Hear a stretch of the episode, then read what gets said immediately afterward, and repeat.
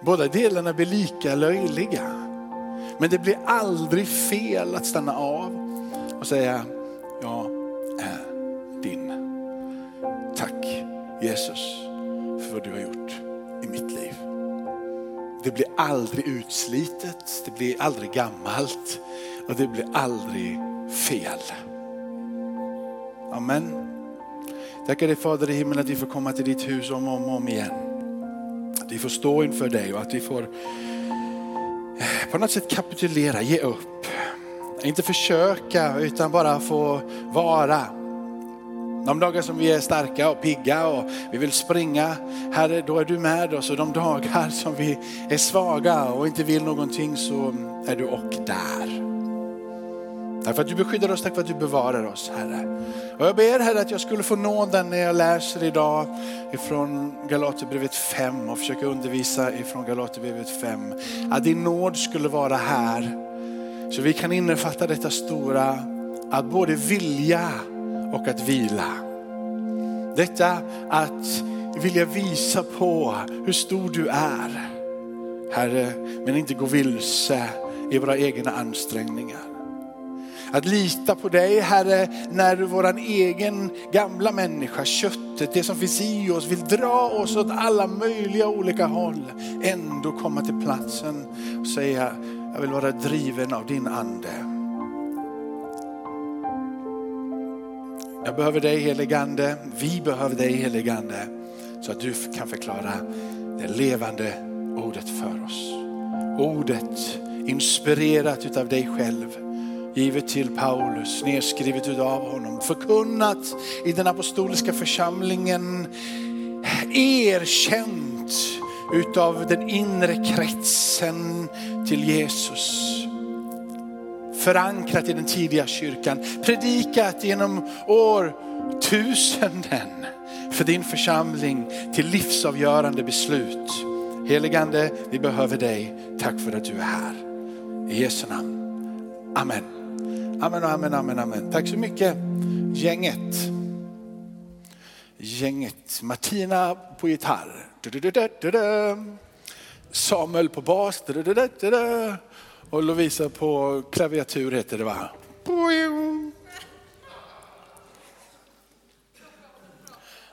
Och jag är pratkvarn ja. Ehm, om du känner att det blir lite, mm, jag hoppar nämligen in direkt i Galaterbrevet 5, ska försöka göra en liten kort resumé över vad jag sa förra söndagen. Och, eh, Eh, eller går du tillbaka och, och lyssnar på det.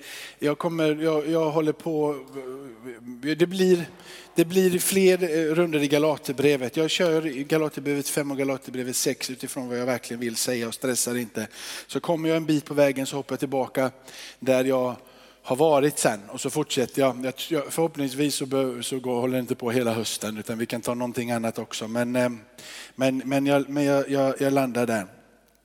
Eh, och, och, så betar vi av det här, det här vidare. Eh, eh, eh för att eh, då summera det som har hänt så, så är det som Paulus ger uttryck för i kapitel 1 till kapitel 4 så säger han så här i Galaterbrevet 5 och 1. Nu blir du lite orolig för mig på något sätt här, känns det som. Ja. Galaterbrevet 5 och vers 1. Ehm. Eh, till till denna frihet har Kristus gjort oss fria. Så därför fasta och låt er inte tvingas in under slavoket igen. Det vill, vill säga in i prestation, in att, ehm, att eh, det måste synas och märkas på dig att du tillhör Jesus. Annars är det, är det bortkastat. Eller att sluta leva så som du lever och ansträng dig lite granna. Men det är inte därför som Paulus skriver till församlingen i, i Galatien när han gör det. De har inte lämnat sin tro.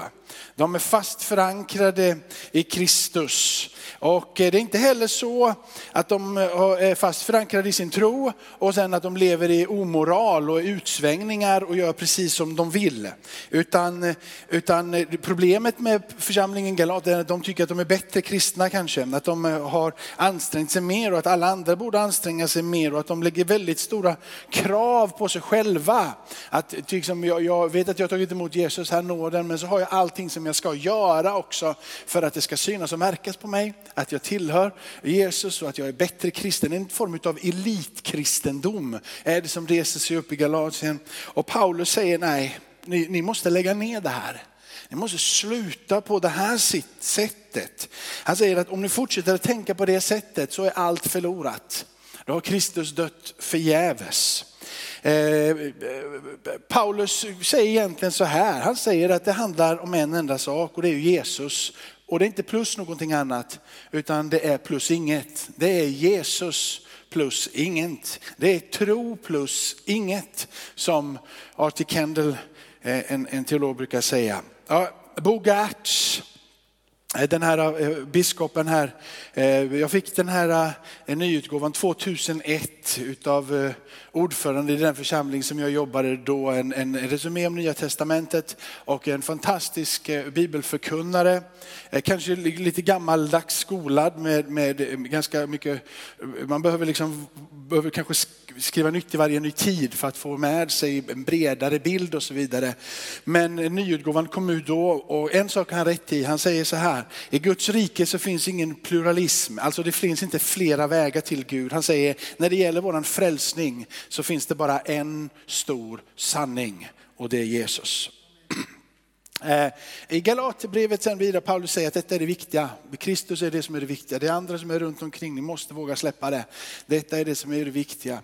Och han förklarar evangeliet och säger att jag har tagit emot dig från höjden. Och sen så går han in i Galaterbrevet 3, Galaterbrevet 4 och pratar om om, om det här yttre, eh, lagen som gavs då. Eh, och, och det här yttre, som, det gavs ju 400 cirkus liksom år efter, efter att Abraham hade fått löftet om en avkomma som skulle komma. Där helt enkelt du kunde alltså ta emot tron som Abraham gjorde eh, innan det fanns något yttre bevis på det. Ingen omskärelse, ingen lag och ingenting utan en inre förvandling genom tro och genom löftet som gavs till Abraham och din avkomma och genom den ska alla bli välsignade. Och det kommer helt enkelt ett löfte som är frälsningsavgörande. Grunden för frälsningen ligger inte i den yttre formen utan det ligger i löftet ifrån Gud själv. Från löftet ifrån Gud, från Gud själv, där ligger grunden för det frälsningsavgörande. Så vad Gud sen säger och är frälsningen, det är det som är det avgörande. Och det han har sagt att det är i löftet, tron på honom. Så, så Gud har från början redan, redan sagt att detta är det ska ni göra. Och nu kommer Paulus in i Galaterbrevet 3 Galater 4 och säger så, är det så här, håller ni fast i tron? Håller ni fast i det löftet som har gett? Eller litar ni på era gärningar, på de yttre sakerna? Varför har ni blivit tur? Vad är det ni litar på? Vad är grunden? Vad är frälsningsavgörande? Människan har i alla tider alltid delat in sig i olika fack. Nu i det modern tid, socialdemokrat eller moderat eller om du är KD eller vad du nu än är, det är fack där. De har delat in dem i onda och goda. De har delat in det i, ja, precis allt med folkslag här, folkslag där. Massor med yttre saker som man har delat in det i. Och eh, ska du då säga så här, är det när du kommer in i Bibeln, moraliska människor eller omoraliska människor? Och så finns det jättemycket uppdelningar här. Men i Kristus, eller i Guds ögon, så finns det bara en skillnad. Det finns bara en gräns som är dragen och det är, tror du på Jesus eller tror du inte på Jesus? Det finns bara en enda linje av skillnad. det enda som gäller för Gud, det är löftet i Kristus. Kristus eller inte Kristus. Två sidor, en stor sanning. Amen. Så han pekar vidare och stressar på dem lite grann och säger så här, är det ungefär är det rätt ställt inför Gud om ni lever på detta hederliga vis och ni sköter er själva och ni gör det otroligt bra. Är det där ni söker frälsning? Är det det som är det frälsningsavgörande? Så ger Paulus ett starkt uttryck. Han säger, om det är på det sättet att det är de yttre tingen som är det, så finns det en enda sak ni är under. Ni är själva under en förbannelse. Ni har förbannat er själva för ni kan i verkligheten inte leva upp till det som lagen säger. Det som är de yttre kvalifikationerna.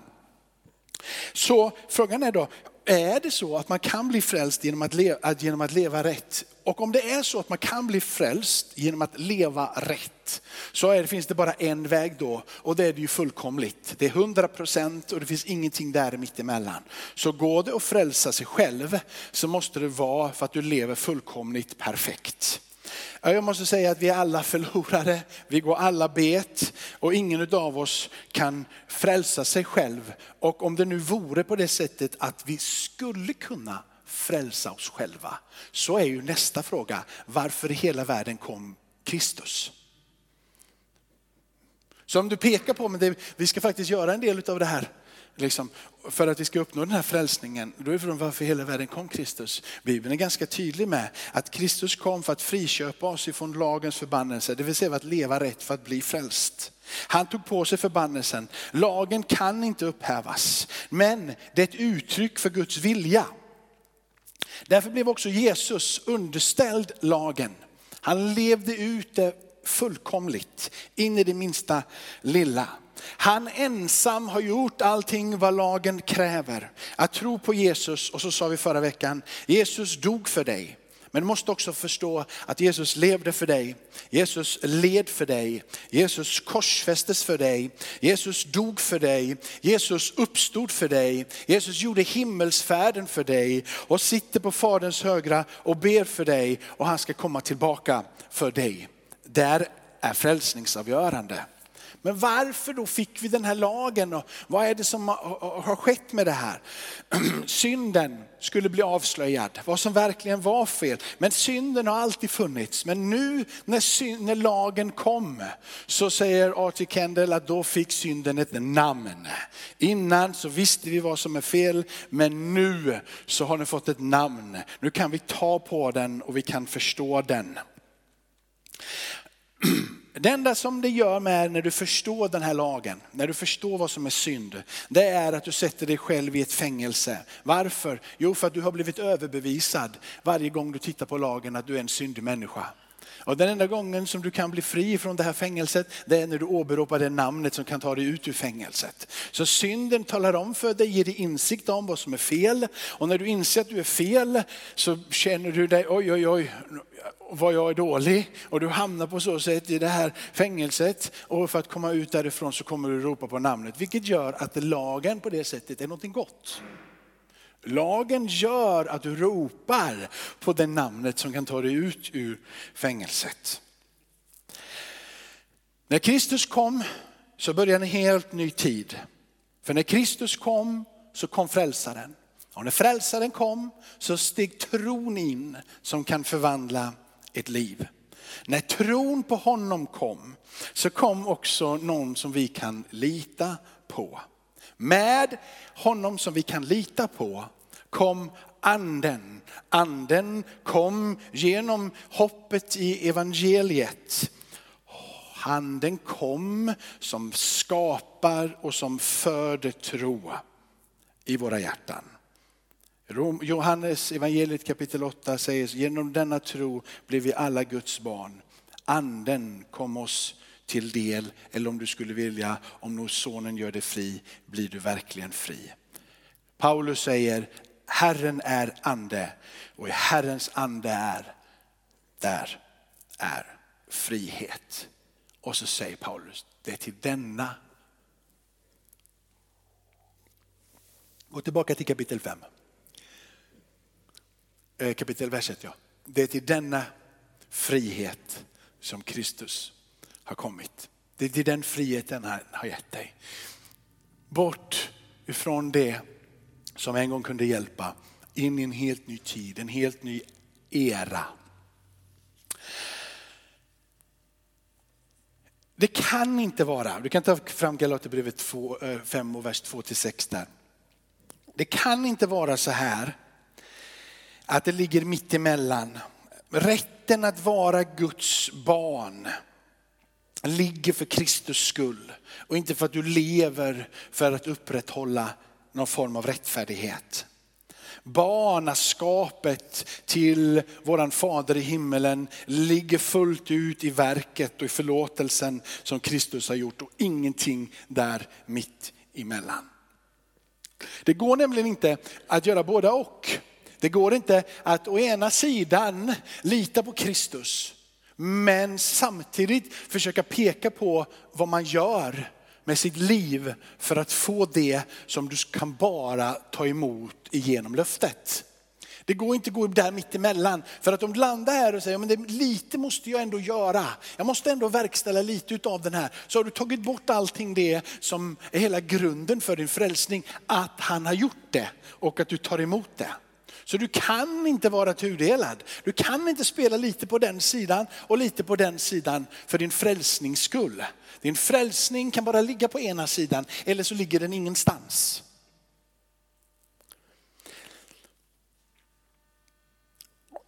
Är det brummar i mitt öra?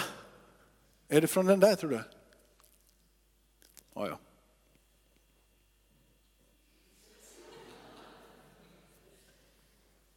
Det är otroligt. Mm. Ja, en geting. Om det finns någonting som du gör som betyder någonting, så inte bara det att det inte kan vara frälsningsavgörande, men alltså, antingen där eller där, det kan inte vara båda delarna utav det. Det är inte bara så här att, att, att om, om de, någonting av den här sidan skulle betyda någonting, så är det inte bara så att, att det inte ens är frälsningsavgörande, utan du faktiskt tar också bort Jesus som Herre i ditt liv. Är du med? Det är inte bara det att du säger att men, jag kan vara, göra lite där och lite där och ändå ta emot allting som är här. Nej, det som du gör om du spelar på båda planhalvorna för din frälsningskull, det är att du också till och med avsätter Jesus som Herre i ditt liv. Om du litar på någonting annat än vem han är, så har du ju avsatt honom i allting som han har sagt. När han säger, du kan lita på mig fullt ut. Är ni med? Det vill säga att du säger så här, att det beror lite, jag måste vara lite här, jag kan inte bara vara här för min frälsnings skull. Så säger du så här, då ger du inte honom all ära nämligen. Du ger inte honom allt det erkännande som han borde få. Utan du har tagit bort en viss del av erkännandet och lagt det på dig själv. Jag gör ju någonting för detta. Och när du tar någonting ifrån Kristus så är det som att du tar bort den han fullt ut är. Är det så här att Paulus i detta då säger att det är bara för dig att ge upp och dö nu. Du ska inte göra någonting. Det är ju snarare tvärtom.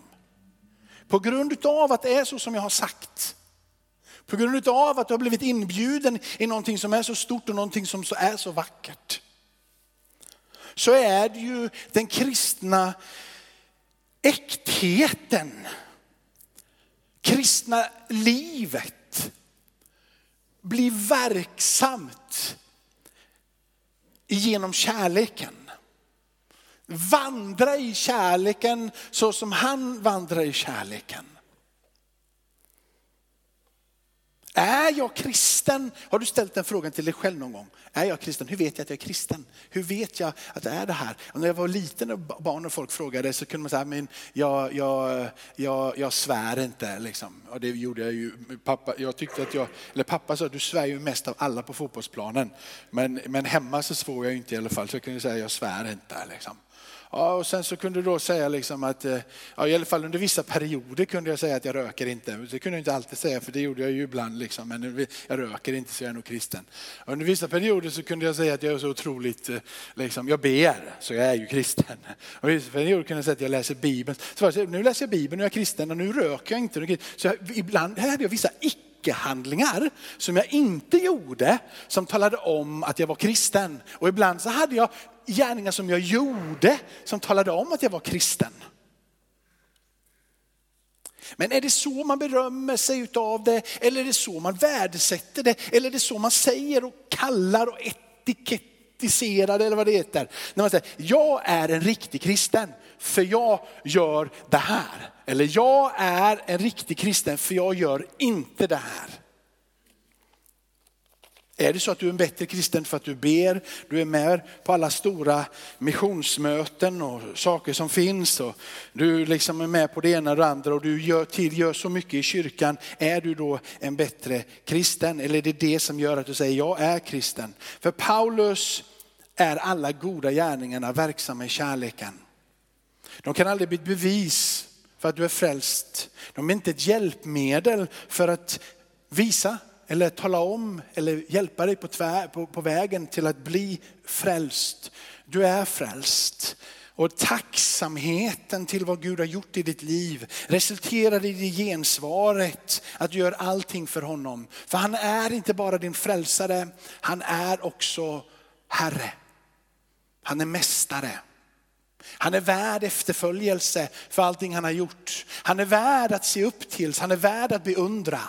Han är värd att ta som det största exemplet. Han dog ju inte bara för dig, han levde för dig. För att statuera och ge dig det bästa exemplet över hur du och jag ska leva.